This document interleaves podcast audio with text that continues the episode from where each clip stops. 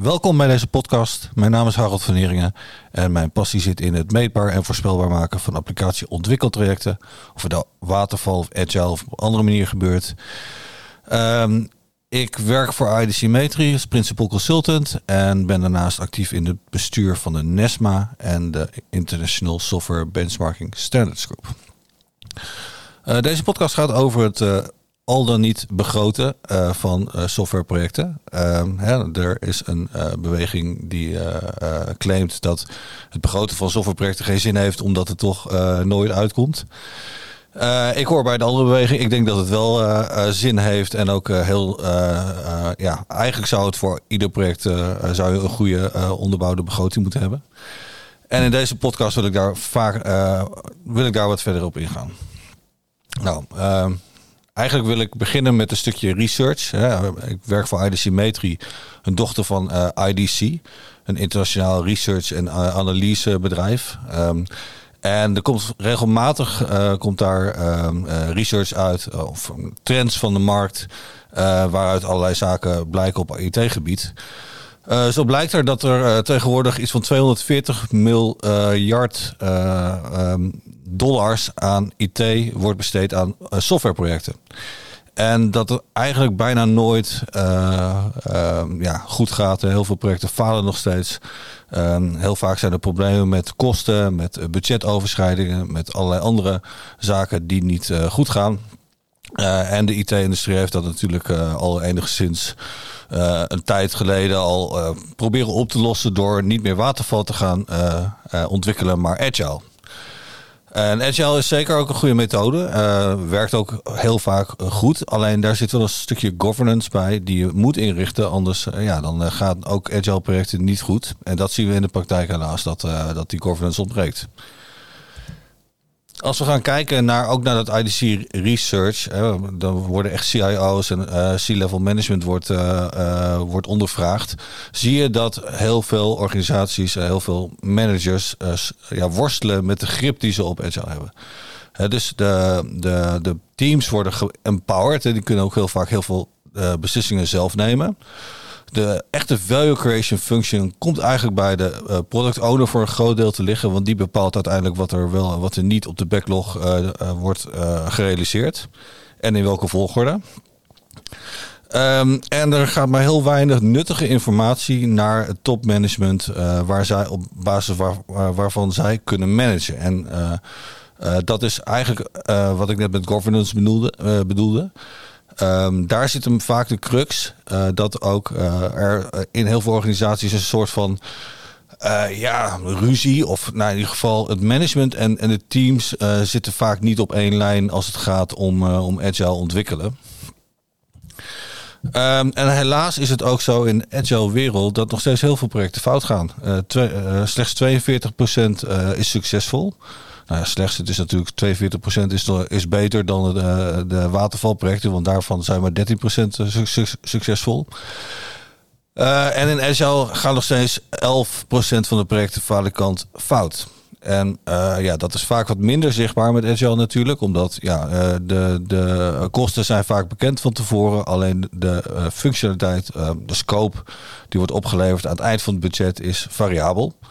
En dat kan veel minder zijn dan je verwacht. Maar dat kan nog steeds uh, voldoende zijn om, uh, om een goed product in de markt te zetten. Of nou, om in ieder geval een werkbaar uh, product te kunnen aanbieden. Um, en Agile, ja, ik heb het veel over Agile, omdat natuurlijk de, de, de, hele, bij de hele Nederlandse softwarewereld inmiddels Agile werkt. Um, en er is natuurlijk nog steeds altijd de vraag, ook al heb je vaste budgetten, ook al heb je vaste teams, ook al heb je uh, ja, een heel voorspelbaar uh, agile traject, dan nog is het de vraag van hoe, um, um, hoeveel functionaliteit wordt er nou opgeleverd, hoeveel waarde wordt er nou eigenlijk geleverd door die agile teams. En dat is uiteindelijk uh, waar natuurlijk de business en waar de gebruikers van die applicaties op zitten te wachten. Dus er zijn altijd vragen, ook in de agile wereld, van wanneer is het klaar? Uh, hoeveel gaat het kosten? Hoe, hoe ga ik de voortgang meten? Uh, hoe weet ik dat de kwaliteit goed is? Van wat wordt uh, geleverd? is het stabiel? Et cetera. Er zijn altijd van dat soort vragen. dus dat betekent dat er nog steeds een vorm van kostenbegroting nodig is. Ook als heel veel zaken eigenlijk van tevoren vast lijken te liggen. Dus op het moment dat je bijvoorbeeld een minimal viable product moet hebben van een x omvang, dan moet je wel vroeg in het traject weten of jouw team groot genoeg is. Of dat je misschien meerdere mensen nodig hebt. Of misschien meerdere teams nodig hebt om dat te kunnen realiseren. Dus er is nog steeds een vorm van begroting nodig. Nou is het natuurlijk zo dat van oudsher de begroting heel belangrijk is. Voor je, voor, ook voor je projectsucces. dus op het moment dat je onderschat. Dan, hè, dus je hebt bijvoorbeeld 10.000 uur nodig, maar je, schat in, je begroot dat het 8.000 uur uh, wordt, uh, moet kosten. Dan heb je een hele grote kans dat het uiteindelijk 15.000 uur of 20.000 uur of meer wordt. Want uh, er gaan namelijk non-lineaire extra kosten komen er met zich mee op het moment dat je onderschat. Je begint eigenlijk met onrealistische verwachtingen, met een te klein team, met een te korte plan of een te krappe planning. En uiteindelijk zal het allemaal moeten worden opgelost door allerlei ineffectieve maatregelen. En dus de begroting is eigenlijk best wel voor een groot deel uh, ja, ook verantwoordelijk voor het al dan niet slagen van een project. En dat vergeten veel mensen wel. Dat er zo'n grote impact is van een verkeerde begroting op, op het uiteindelijke resultaat. Um, en dat in oogschouw nemen, dan denk je van oké, maar um, begroten, is dat dan moeilijk? Ja, dat is niet zo makkelijk, omdat software natuurlijk ongrijpbaar is. Je kunt niet uh, het aantal vierkante uh, meter software meten zoals je dat bijvoorbeeld wel met een muur kan of met een weg. Dus het bepalen van de omvang van iets is natuurlijk lastig. Daar zijn natuurlijk in de, in de IT-wereld, in de softwarewereld wel methodes voor. Er zijn ook standaarden voor, bijvoorbeeld de NESMA-standaard voor functiepuntanalyse. En die meten de functionele requirements van, van, uh, van een project, van wat je moet realiseren uh, in een gestandardiseerde omvangmaat, de NESMA functiepunt. Die is trouwens ongeveer gelijk aan de IFPUG functiepunt voor de mensen die die methode misschien kennen. Dat is een internationale methode. Um, dus er zijn wel degelijk manieren om de uh, omvang van software vast te stellen. En dat is natuurlijk een belangrijke eerste stap om vervolgens ook een begroting te maken. Want dan heb je eigenlijk alleen nog maar uh, data nodig van afgeronde projecten. Van hoeveel uren per functiepunt je normaal gesproken ongeveer doet over vergelijkbare projecten. En dan kun je al een bandbreedte uh, vaststellen van je begroting. Maar dan op een parametrische manier en niet op een, ja, een, een expert inschatting manier. Um, nou noemde ik in, in de introductie al even dat er ook een beweging is dat heet uh, no estimates. Als je op Twitter bijvoorbeeld uh, of LinkedIn intikt hashtag no estimates, dan vind je ongetwijfeld hele lange discussies tussen ja, eigenlijk mensen die menen dat het begroten geen zin heeft, omdat ja, het, het is lastig en het gaat altijd mis. En er zijn mensen die zeggen ja, maar begroten is gewoon een fundamenteel proces wat in ieder project uh, gewoon plaats moet vinden, omdat je anders geen idee hebt waar je gaat eindigen qua kosten en qua doorlooptijd. En dat is natuurlijk ook zo. Hè? Dus dat, dat laatste, ik bedoel, daar, daar ben ik natuurlijk uh, uh, voorstander van. Want ja, dat is ook wat ik natuurlijk in mijn dagelijks werk veel doe, begroten van softwareprojecten. Um, en um, ja, ik vergelijk het vaak ook met bijvoorbeeld het bouwen van een huis. Hè. Ook, al, ook, al wil ook al zou je dat agile willen doen, wat ik eigenlijk niet uh, zou aanraden. Uh, dan nog, uh, als het je eigen huis is, dan zou je niet zeg maar een onbeperkt budget ter beschikking stellen. Of bijvoorbeeld wel een budget ter beschikking stellen en zeggen van nou, kijk maar wat je ervoor kan maken. Nee, zo, zo, zo werkt het niet. En zeker niet als het je eigen geld is. Maar als het nou het geld van de organisatie is, dan zou het nog steeds niet zo moeten werken. dus dan ga je nog steeds, uh, moet je op een mindful manier omgaan met het budget wat je hebt en ervoor zorgen dat dat zo goed mogelijk besteed wordt. Nou, heb je in de agile wereld natuurlijk, uh, agile betekent ook uh, dat je changes moet accepteren. Hè? Dus dat is natuurlijk ook een feit, dat is onderdeel van de methode, dat je nou, wijzigingen tussendoor kunnen, kunnen voordoen.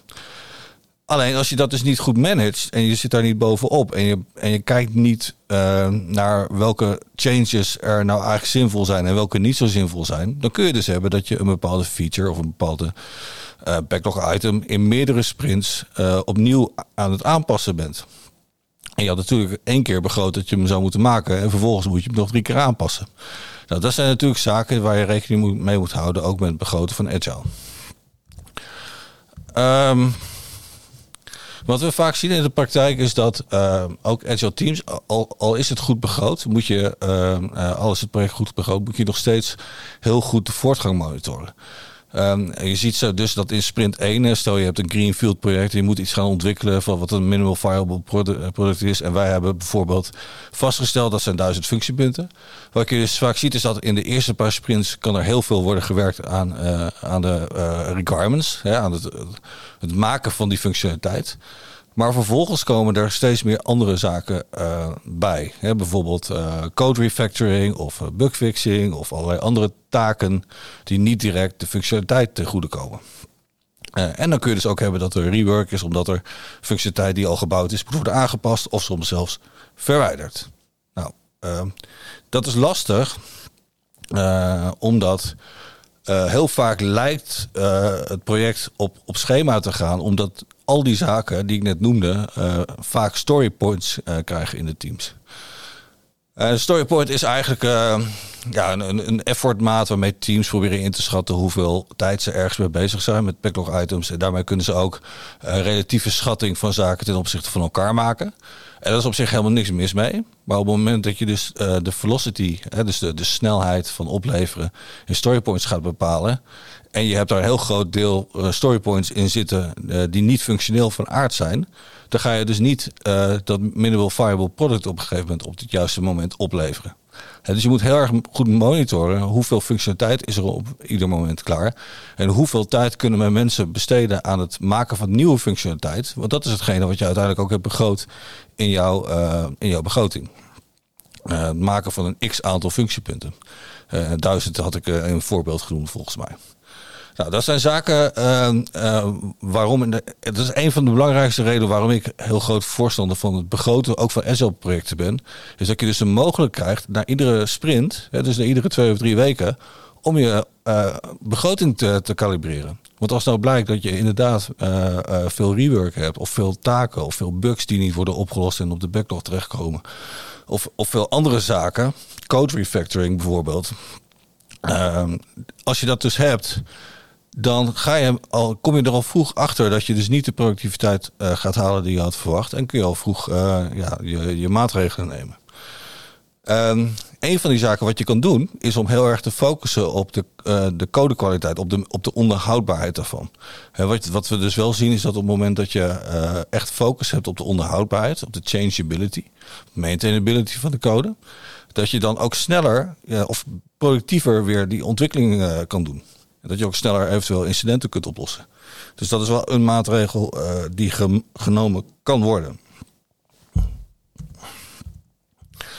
Um, ja, er zijn vele onderzoeken um, uh, en papers uh, geschreven over hoe moet je nou functional size measurement, het bepalen van functiepunten in een team aanpakken. Mijn uh, voorstel is om uh, het team daar niet te veel mee te belasten. Het team kan prima met storypoints werken. En die worden vaak alleen maar afgeleid op het moment dat je metrics gaat vaststellen, gebaseerd op functiepunten. Uh, en dat zelfs ook nog met de markt vergelijken, zoals wij dat natuurlijk ook, uh, ook vaak doen. Dat zijn eigenlijk metrics waar zij niet zoveel aan hebben, maar het management wel iets mee kan, omdat ze dan kunnen snappen uh, welke teams zijn nou high performers en welke teams zijn nou low performers en hebben misschien hulp nodig om beter te worden. En kunnen dan leren misschien van de high performers. Dus uh, ik zou de functiepunten, uh, ja, je kunt het wel bijvoorbeeld door de product owner laten vaststellen. Dat is vaak ook niet zo lastig, hè, want in een sprint wordt ook niet zoveel functionaliteit uh, gebouwd, normaal gesproken, omdat het maar om twee of drie weken gaat. Uh, en dan heb je een half uurtje en een uurtje kan de product owner uh, de functionele omvang meten die, die, uh, die is gemaakt in die sprint. en ook begroten, of de begroting herkalibreren als dat nodig is. Um, dus story points op teamniveau en uh, de, de metrics, productivity bijvoorbeeld, velocity gebaseerd op functiepunten, kun je het beste dan uh, daarbuiten laten en op management, in management uh, informatie verwerken. En uh, daar, dan ga je dus ook krijgen dat het management meer grip krijgt op wat er nou eigenlijk gebeurt met de agile teams. En ook beter snappen uh, hoeveel waarde er gecreëerd wordt. En kunnen dat dan ook aantonen aan, aan hun buitenwereld. Van nou, ik heb het budget op deze manier besteed en dit is de waarde die ik heb geleverd. Dat is vaak ook een, uh, een belangrijk aspect. Uh, dus ik ben helemaal voor, uh, voor het begroten van, uh, van projecten, ook van agile projecten. En ja, ik kan me totaal niet vinden in de no estimates beweging. Um, maar die is er wel. Um, aan het einde van deze podcast wil ik eigenlijk nog eventjes aandacht vragen voor de Software Cost Management Summit 2022. Ik weet niet precies wanneer deze podcast live gaat. Ik hoop nog voor 4 oktober, want dan is dit event. En het wordt georganiseerd door Nesma uh, in samenwerking met Cosmic. En we hebben een aantal interessante uh, internationale sprekers um, in de Philharmonie in Haarlem. Uh, onder andere ook Joop Schefferly, de, de IPMA-president internationaal. Maar ook een aantal andere uh, ja, vooraanstaande uh, mensen zoals Koos Veefkind, de, de CIO eigenlijk van de Belastingdienst. En um, nou, nog andere uh, mensen ook. Misschien is het interessant om het programma even te bekijken op www.nesma.org. Um, ehm, ik wil uh, Ipma bedanken voor het uh, mogelijk maken van deze podcast. Dank ook iedereen die heeft geluisterd. neem alsjeblieft contact met me op als je het interessant vindt. Mijn e-mailadres is h van Heringen met h e idc.com. Ik herhaal even H van Heringen met dubbel E, at idc.com. Of zoek me op op LinkedIn, Harold van Heringen. Dan uh, moet dat goed komen. Uh, heel erg bedankt en een uh, fijne dag gewenst.